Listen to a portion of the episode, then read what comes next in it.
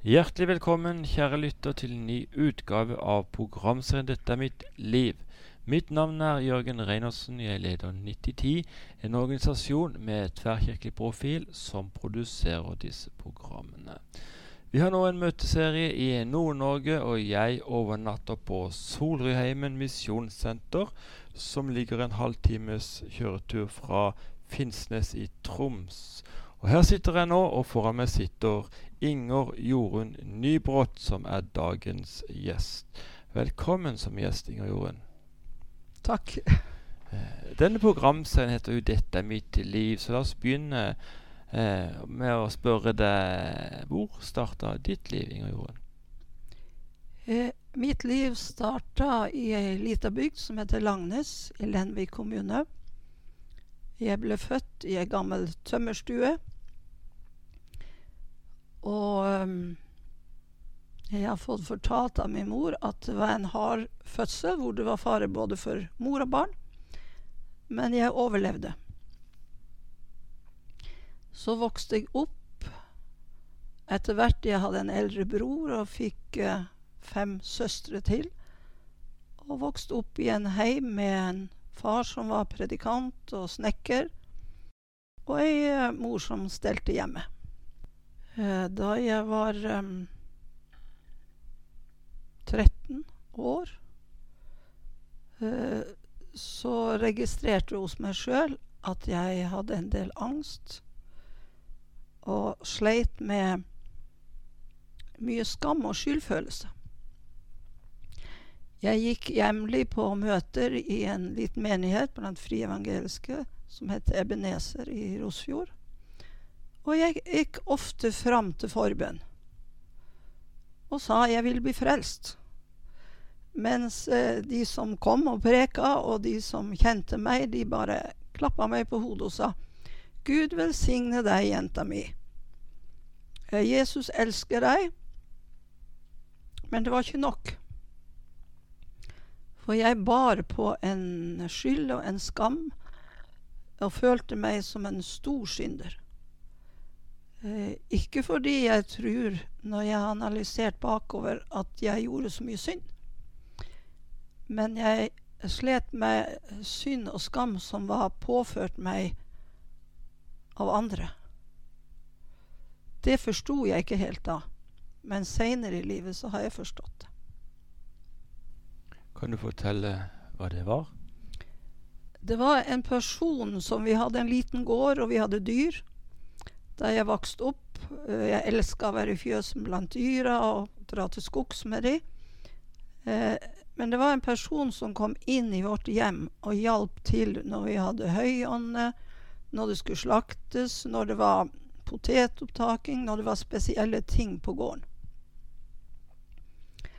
Han øh, viste en nærhet som jeg da ikke forsto, og gjorde ting imot meg som øh, jeg heller ikke forsto da.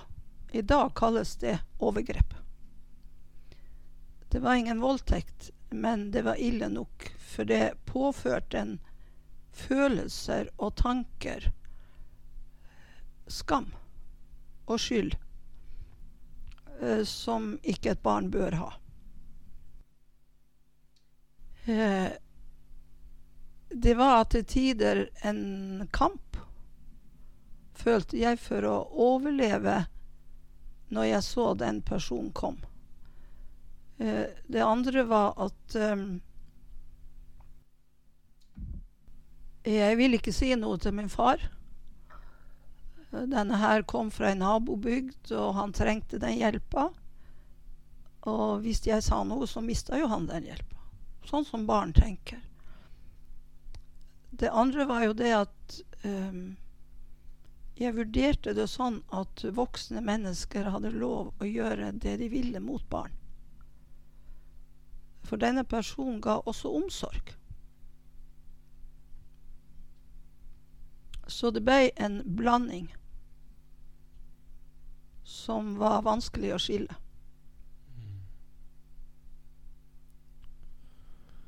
Ja, hvordan håndterte du dette opp igjennom? Jeg vet ikke om det var jeg som håndterte det, eller Gud. Men eh,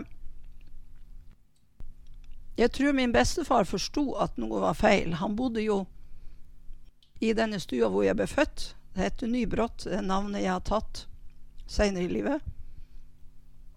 Så han tok meg med til Tromsdalen, Ebenezer der, på et stevne. Høststevne. Og jeg husker godt det var det året Tromsøbrua ble åpna. Så det var spesiell fest i Tromsø. Der var det innbydelse, en gammel predikant som innbød til frelse når møtet var ferdig. Og jeg gikk fram og sa Det hadde jeg sagt hundre ganger før. Jeg må bli frelst. Og denne predikanten tok meg på alvor. Han eh, ba for meg. Jeg bøyde kneet framme der, og eh, inni meg så skjedde det noe. Som jeg aldri glemmer i mitt liv. Eh, det var gråt. Eh, jeg fortalte ingenting, jeg sa ikke så mye. Men jeg opplevde at jeg ble fullstendig rensa i Jesu blod. Eh, jeg ble kvitt noe av den angsten. hatet visste jeg ikke før jeg kom hjem at det var borte. Fordi jeg hadde stått ved kjøkkenbenken hjemme når jeg så denne personen kom på veien. Og så hadde jeg eh, funnet den eh, skarpeste brødkniven som var i skuffa. Og det var det ingen som visste om. Og den hadde jeg bak ryggen, og jeg tenkte hvis han rører meg nå, så dreper jeg han. Og når jeg hadde vært på dette møtet og fått møtt Jesus personlig, eh, det skjedde noe inni meg. Når jeg kom ut, så var trærne annerledes. Lufta var annerledes. Det var, det var, det var som Ja, født på ny. Eh, og jeg kom hjem, og jeg så denne personen kom. Og jeg gjorde ikke det jeg hadde gjort før. Fant, fant ikke fram kniven lenger. Jeg fikk en medynk. Jeg syns synd i han.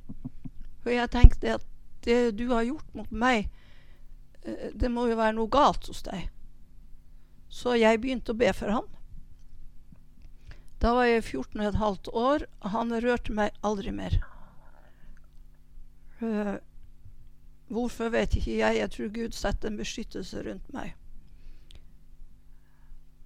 Og det var ingen som sa til meg at du skal tilgi. Men det hadde skjedd noe inni meg. Og det vil ikke si at jeg alltid seinere i livet kunne tilgi. Hvis jeg følte at noen menn tråkka på meg, så kunne det gamle hatet dukke opp.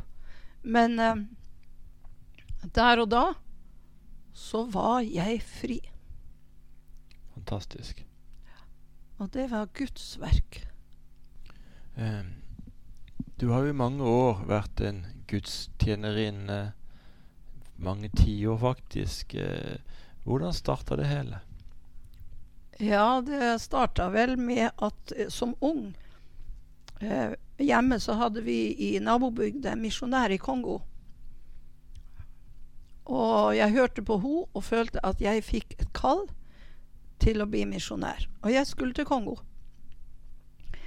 Så jeg fikk en anbefaling av menigheten min. Da var jeg 16 år. Og søkte til Oslo på bibelskole. Jeg skulle lære fransk.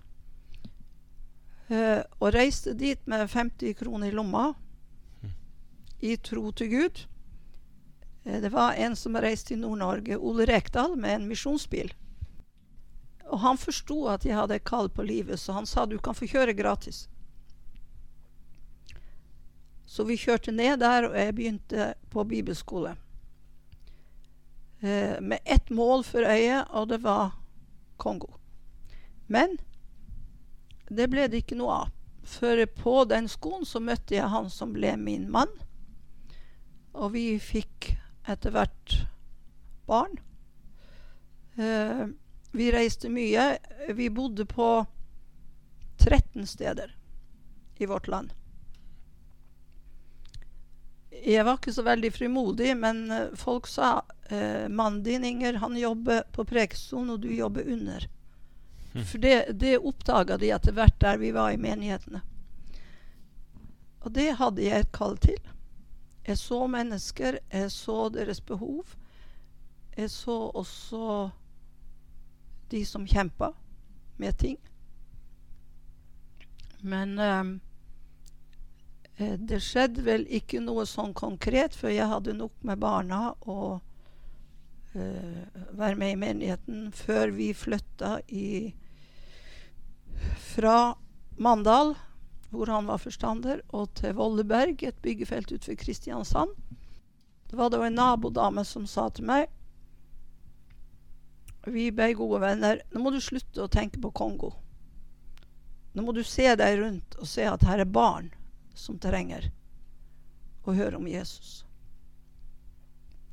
Og da starta jeg et uh, barnearbeid sammen med andre der. Eh, bibelklubbarbeid sammen med Evangelisk barnemisjon. Og barna fikk møte Jesus. De fikk lese Guds ord. De ble frelst, og de ble åndsdøpt. Så noen kom jo ut for å sjekke det her, for de syntes det var litt mystisk. At barn kunne oppleve det de gjorde. Utfordringa var at det var en um, gangsti forbi huset vårt. Det var første hjemmet vi hadde kjøpte. Og ned til bussholdeplassen. Og der kom og gikk det ungdommer forbi. Det var rett forbi vaskekjelleren. Så når jeg drev og vaska klær om kveldene, så banka de på døra, så kom de inn. Starta vel mitt uh, første møte med rusmisbrukere og mennesker som hadde vært utsatt for overgrep. Men det ble vanskelig etter hvert, for naboene ble litt irritert. For hos oss var det jo fullt hus og unger og barn og ungdom rundt overalt. Så vi begynte å be Gud om å finne et sted for oss hvor vi kunne eh, ta imot mennesker. Hjelpe dem. Og da flytta vi til Risør kommune. Fant en gammel gård som var 400 år gammel, ute ved vannet, og kjøpte den. Sette den i stand. Og der kom det og gikk mennesker der òg det jeg fikk se der, som er vel noe av det største miraklet jeg har opplevd i livet mitt, det var en gammel sjømann som var alkoholiker i bygda. Og jeg var redd han. Eh, jeg var redd for folk som drakk og rusa seg. Uh, og jeg hadde da fasta ganske lenge og bedt Gud om et tegn på at vi skulle flytte dit. Det var helga før vi bestemte oss. Og så kommer denne mannen ned sjanglende og inn i stua vår. Og jeg sa til de som satt, få han ut. Jeg vil ikke ha han inn. Da var det en broder fra Risør som sa Han visste jeg hadde bedt mye. Inger, kanskje det bønnesvaret som kommer? Nei. Nei.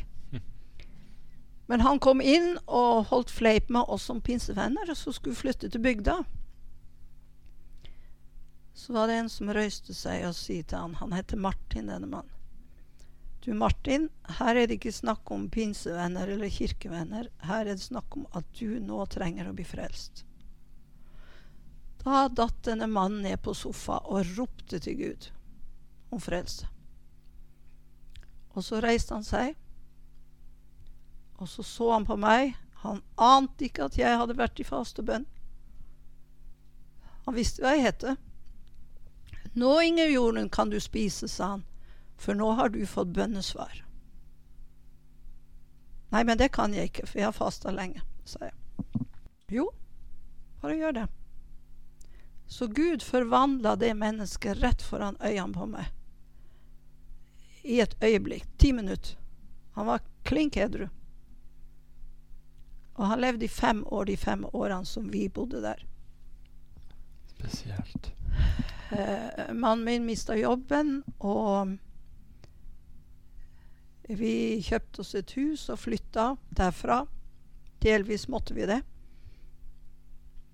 Eh, og så begynte Gud å arbeide videre med meg om dette med å finne et nytt sted. Et sted hvor vi kunne eh, ta imot mennesker. Eh, vi var avlastningshjem i, i kommunen der for eh, folk som eh, sleit. Jeg jobba innen HVPU. Autister, mongolider, schizofrene. Og eh, jeg kjente at Gud var med i det arbeidet. Men eh, jeg hadde uh, enda dette med barnearbeid i hjertet mitt. Og hver sommer hadde jeg med egne barn. Da var det blitt fem stykker av de. Og så reiste jeg rundt og var leirprest. Helt opp fra Sandnes kommune på Vestlandet og til Hauga utenfor Oslo. Eh, Leirsted ved Åggevann og rundt omkring. Og var barnearbeider og delvis ungdomsarbeider i menigheten der vi bodde.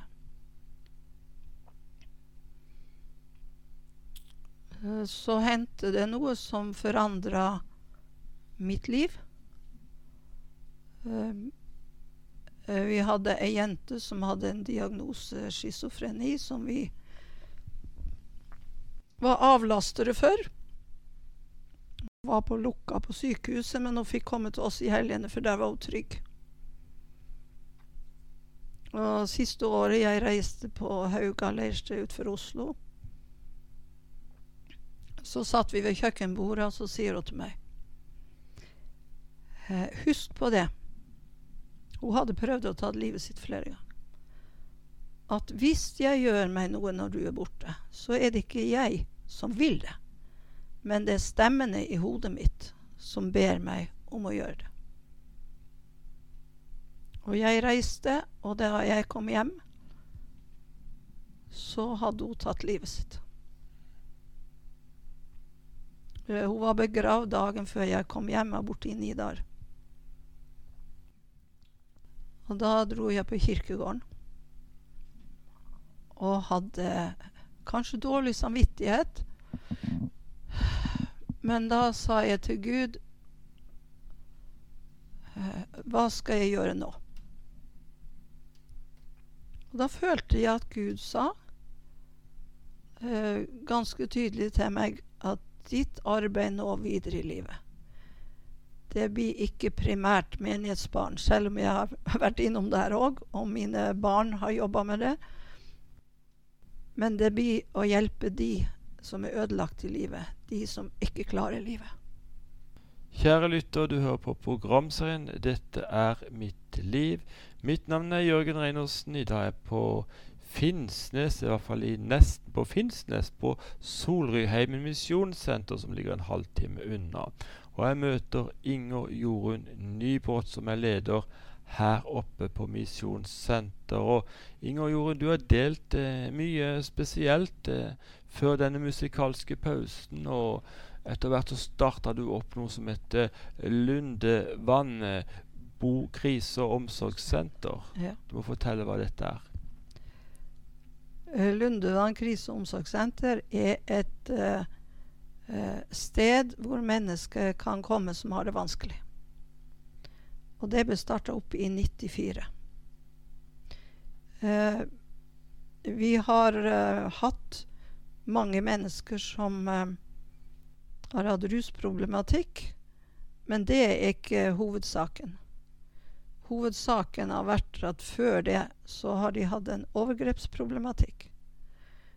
Uh, og det var det jeg opplevde etter hvert at Gud kalte meg til å jobbe med.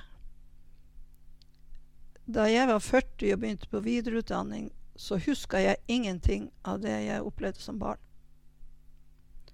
Og jeg måtte be Gud om hjelp, for jeg skjønte det var noe jeg hadde fortrengt fullstendig. Eh, noen ganger må en be Gud om å glemme, men jeg måtte be om å huske. Da huska jeg det jeg snakka om før, med det hatet som var så inderlig. Jeg sjekka det ut med en søster av meg som hadde hatt samme opplevelsen. Og jeg skjønte at det jeg huska, var sant. Så um, når jeg var ferdig med utdannelse som hjelpepleier, eh, så kom jeg i ei hjemmeulykke og knuste foten min. Og fikk skader i ryggen og full fart på sykehuset med fulle sirener. På den turen så sa jeg til Gud hvis jeg ikke blir lam og må sitte i rullestol, skal jeg gjøre alt du ber meg om. Noen ganger er jeg ikke så begeistra for at jeg sa det. Men uh, Gud kalte etter hvert til å starte et uh, omsorgssenter for mennesker. Og det kom ut fra evangeliene. Uh, hvor jeg så den samaritanske kvinne som fikk en å snakke med, og livet ble totalt forandra når Jesus møtte henne ved brønnen. Så vi begynte med en kontakt- og krisetelefon i Tvedestrand. Omsorgsgrupper. Og til slutt så danna vi et AS og kjøpte et lite brukt leirsted. Senstre har vært benytta av mennesker i ulike livssituasjoner. Helt fra starten. Eh, arbeidstilbud har vi hatt. Vi har hatt barnehage. Nå har vi bare bo og ettervern. Og folk kan komme dit i krise. Det har vært perioder hvor um, vi har tenkt at klarer vi økonomisk å drive videre? Eh, men Gud har kommet på forunderlig vis og gitt støtte, også fra Helsedirektoratet, i flere år. Siste året har vi ikke fått noen ting derfra. Men eh, vi har sett hvordan Gud møter mennesker. Eh, etter den ulykka mi så kom jeg på attføring og fikk videreutdanning gratis på Samfunnet. så Gud snudde den ulykka til noe positivt i livet mitt. Og eh, det trengte jeg eh, når vi starta senteret. Jeg har også studert i Danmark. Men det er noen spesielle opplevelser som jeg har lært mye av. Eh, det kom en eh, fra Nav i Oslo eh, med ei jente som hadde fått full garanti for å være hos oss. Og så spurte hun et toalett og skulle gå inn i peisestua. Vi satt i spisesalen, og der stoppa hun og bare sto og hylte og, og grein. Og vi sprang ut og spurte hva det var. Men hun klarte ikke å si noe. Hun bare rista i gråt. Og sosialkuratoren måtte ta henne med hjem og kjøre henne tilbake. I telefonen etterpå så fikk jeg vite det at um, når hun kom inn i den peisestua og så de møblene som var på nesten alle leirsteder i, på det rundt det årstallet, uh, så kom minnene hennes tilbake fra overgrep hun hadde vært utsatt for på et leirsted. Og hun kom aldri tilbake til oss. Men når hun var reist, og vi fikk vite det her, så fikk vi tak i stoff og trakk om alle møblene. Eh, minner Det er noe som kroppen husker, selv om ikke vi husker det. Eh, det er den ene opplevelsen som var veldig sterk. Eh, hvor vi så at um, vi må hjelpe mennesker å huske. Og den andre som er noe av det sterkeste jeg har opplevd, var når vi var på tur. Vi har et undervisningsopplegg som heter 'Hvem er du, og hva vil du med livet ditt?' i forhold til deg sjøl, familie, nærmiljø og samfunnet. Og derfor, for å bli kjent i samfunnet og akseptere det, så dro vi på turer. Og da dro vi hit til Solrudheimen med en hel gjeng. Så var det slik at det var jo et eh, for så vidt gammelt bygg. Og i andre etasje skulle guttene bo, og i første var det jentene. Og en av de guttene som var med, som hadde en overgrepsbakgrunn, han gikk opp og skulle installere seg og kom tilbake og sa 'jeg nekter å bo her'. Hva er galt? Det lukter så fælt her, sa han. Uh, og vi andre gikk opp og sjekka, men det var ikke det. Det var ikke noe lukt. Og dette skjedde i flere dager, men han var nødt til å bo der. Eh, så sier han en dag jeg, Han hadde penger. 'Jeg skal spandere flybillett hjem, for jeg klarer ikke å være der oppe på det andre etasjen der.' Nei, det blir ikke aktuelt, sa jeg. Men uh, han påsto at han skulle bestille fly dagen etter, og så skulle han komme seg hjem. Til alle sammen? Ja. Alle sammen. Mm. Så skjedde det at det skjedde noe Jeg tror det var det Island eller på Færøyene, denne askeskyen som kom. Og stoppa all flytrafikk. Og han kom seg ikke hjem. Ikke vi heller. Så vi ble lengre enn uh, vi hadde planlagt. Da vi kom hjem, så spurte jeg han var det noe i det rommet du bodde eller der som minte deg om noe. Nei, ikke noe han kunne huske. Men så sier han en kveld jeg skulle gå fra jobb, 'Vil du kjøre meg en tur?' Ja. Så kjørte vi til hans hjemby. Vi kjørte ned på ei brygge, og der sto vi. Og så pekte han over sundet og sa der bodde min overgriper. Og mens vi står der, så begynner denne gutten å gråte. Og så sier han nå veit jeg hvorfor jeg ikke klarte å bo i den andre etasjen. For min overgreper hadde samme møblene. Og de lukta så fælt. Så når jeg kom opp der Det var ikke lukt der. Jeg har innrømt det, sa han. Jeg har sett det. Men de møblene minte meg om hva jeg hadde vært utsatt for. Og det eh, ble veldig alvorlig for oss alle, for han sto fram og fortalte om det her. At det vi opplever i livet, det lagres inn i vår underbevissthet. Og når vi møter like ting eller ting som minner oss om det, eh, så reagerer kroppen. Og vi har fått fem sanser.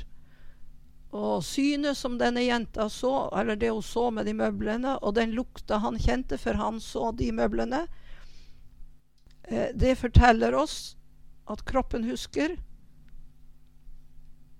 Og jeg tror det er viktig, på samme måte som jeg sjøl måtte gå igjennom livet mitt som 40-åring, at vi tør å be Gud. Hjelp meg å huske det som ikke fungerer i mitt liv. Hjelp meg å huske det som jeg trenger å huske for å fungere normalt. Og det har jeg sett i mitt arbeid så mange ganger at um, Gud hjalp meg å huske. Han setter meg i gang med arbeid blant incest og overgrepsutsatte før jeg huska mitt eget liv. Og det har vært en styrke. Vi er helt avhengig av Den hellige ånd og Guds hjelp. Mm. Hvis du skulle sitte noen og tenke at et opphold på Lundevann kanskje kunne være noe for dem. Hvordan skal de komme i kontakt med dere? Da skal de ringe vår sentralbord 37 16 41 72. Og da får de vite når vi har åpent for samtale, og hvem de vil snakke med. Mandag, onsdag fredag er det kontakt, og kristelefonen er åpen. Kan du gjenta det nummeret? 37 16 41 72. Kjære lytter, du hører på programserien 'Dette er mitt liv'. I dag er det Inger Jorunn Nybrott som er dagens gjest, og vi sitter her på Solryheimen eh, misjonssenter litt utenfor Finnsnes. Så du må fortelle litt om dette arbeidet som pågår her oppe. Eh, Solryheimen er et felles felleskirkelig sted som har et styre og en eh, misjonsforening som står bak. Uh, det som er litt uh, spennende, som jeg etter hvert har oppdaga, er jo at mitt første leveår bodde jeg i ei hytte i skogen her, som det var det første hjemmet til min mor og far. Uh, Seinere så har jeg blitt eh, involvert her når de eldre blir for gamle til å være med og ta vare på stedet og drive videre. Eh, Det ble oppretta en eh, emissær, Theodor Trulsen, som uh, jobba i Indre Sjømannsmisjon, som var fosterfar til min far. Uh, og så er det mm, Didrik Soli, som også er bak i min familie, som starta Nordnorsk misjon. Og i dag er det, dette stedet det eneste som er igjen. Og her kan folk komme og stelle seg sjøl. De kan bo her. Vi har eh, noen gang påskestevne, sommerstevne, høststevne og weekender. Eh, det er et unikt sted. Eh, Mange som har kommet hit, har fått oppleve helbredelse. Det har jeg sjøl. Når jeg var oppgitt, jeg hadde en svulst på hypofysen. eh, Og hadde balanseproblemer og kunne ikke kjøre bil. Og kom opp her når jeg fikk forespørsel om å overta ansvaret her. Og sa til Gud hvis du helbreder meg, så skal jeg begynne å ta ansvar her. Og tredje dagen jeg var her og sto opp ut av senga, så kjente jeg at nå behøver jeg ikke å holde meg fast. Så jeg reiste meg og gikk og sprang langs korridoren og ropte til min datter 'Det er borte'. Hun kom ut og sa 'Er du blitt gal, mamma?' Nei. Det, det jeg hadde i hodet, det er borte. Kort sagt, jeg dro hjem til legen min og sa 'Jeg vet ikke hva som har skjedd'. Han visste jeg hadde vært i Nord-Norge. Men du må ta en MR, for jeg er frisk. Og det ble tatt MR, og det var borte. Derfor er jeg her ennå i dag. Så andre har kommet hit. Er et sted hvor du kan finne hvile. Det ligger bak Kistefjellet, oppe i dalen, Solidalen. Uh, og de fleste som kommer her, kjenner en ro og hvile. Og mange har òg blitt helbreda bare ved å være her. Mm. Det er et bønnested. Um, og vi har et styre fra ulike menigheter. Um, det drives kun på gaver og overnatting, som folk betaler for å overnatte. Og faste givere. Så her er det mulig å komme, altså. Ja. Hvordan eh, kommer man i kontakt med dette senteret? Eh, da kan du få telefonnummer. Det er 93 04 34 50. Så du ringer det og sier at det gjelder Solreheimen. Så kan du få brosjyre, du kan få informasjon, og du kan få lov å reise hit. Du må gjenta nummeret. 93 04 34 50. Vi nærmer oss så smått eh, avslutning av dette programmet. Inger Jorunn, eh, har du lyst til å nevne en episode eller en periode i livet hvor du har fått erfare Guds omsorg på en spesiell måte? Egentlig så har jeg vel eh, opplevd det hele livet, men eh, det var vel da min mann ba om skilsmisse. Eh, det var så uforståelig etter 36 års ekteskap. Men det var en realitet som jeg måtte innse. Da reiste jeg opp hit til Solrudheimen. Var her alene. Satt foran peisen her. Og så skrev jeg en sang. Eller dikt som jeg synger når jeg er alene med Gud. Og den begynte sånn Jesus, du den eneste. Jesus, du er den reneste. Jesus, jeg vil tjene deg, hva det enn må koste meg. Det er flere vers. Men eh, da var det bare jeg og Jesus. Og det går an å kjenne og føle Jesus så nær. En som holder rundt deg, en som bryr seg, en som forstår, og en som møter deg i alle livets problemer og utfordringer. Og da er jeg glad jeg hadde en jobb og medarbeidere og beboere på Lundevann som forsto hva jeg gikk igjennom. De var hardbarka, hadde vært narkomaner, mange av de. Men den omsorgen de visste Og det Ja. Ikke alltid du kan grine på jobb, men det kunne jeg. Og jeg hadde ikke sykemelding en dag. Så det å ha et fellesskap med mennesker, og det å ha noe å gå til når livet er vanskelig, det har jeg prøvd, og det anbefaler jeg alle. Det er ingen som skal stå alene med vanskeligheter i livet. Jeg tror vi skal gjenta disse telefonnumrene som du sa i stad.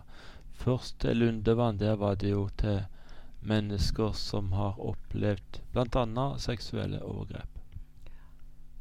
37 16 41 72. Og da blir du satt over til den telefonen du ønsker.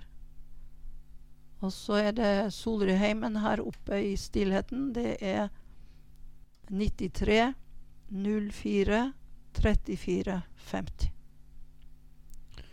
Kan du avslutningsvis tenke deg å be en bønn for lytterne? Jesus, takk for at du har sagt, Far i himmelen, i det høye og hellige bor jeg, hos de som har et sønderknust hjerte og en sønderbrutt ånd, for å gjøre de sønderknustes hjerte levende. Takk for du er hos de som hører, og takk for at du svarer. Amen. Amen, amen. Inger Jorunn Nybåt, hjertelig takk skal du ha for du har delt så mye med oss i dagens program. Må Gud rikelig velsigne deg, din familie og ditt virke i årene fremover. Ja, kjære lytter, det blir sterke inntrykk når man møter en slik kvinne som Inger Jorunn, som har brukt store deler av sitt liv på å hjelpe mennesker. I starten av dette programmet fortalte Inger Jorunn når hun fikk et møte med Jesus, så var det som å bli født på nytt. Den grufulle smerten etter overgrepene ble borte, og hun oppdaget verden på en helt ny måte. Jeg kjenner ikke til hvor du er i livet, men vi hørte i en sang Jeg kjenner en som kan. Om du vil ta et valg i dag og invitere Jesus inn i ditt hjerte, kan du be denne bønnen etter meg. Jesus, jeg kommer til deg nå slik som jeg er. Tilgi meg for mine synder. Jeg omvender meg og tar imot deg som min Herre og min Frelser i livet. Takk at jeg nå er et Guds barn fordi ditt ord sier det. Vi vil svært gjerne komme i kontakt med deg som ba denne bønnen, slik at vi kan sende deg en gratis bibel sammen med litt annen litteratur. Du finner meg, Jørgen Reinertsen, på Facebook. Ellers finnes kontaktinfo på vår hjemmeside 9010.no. Her finnes også en del videoopptak fra våre arrangementer som du kan kose deg med.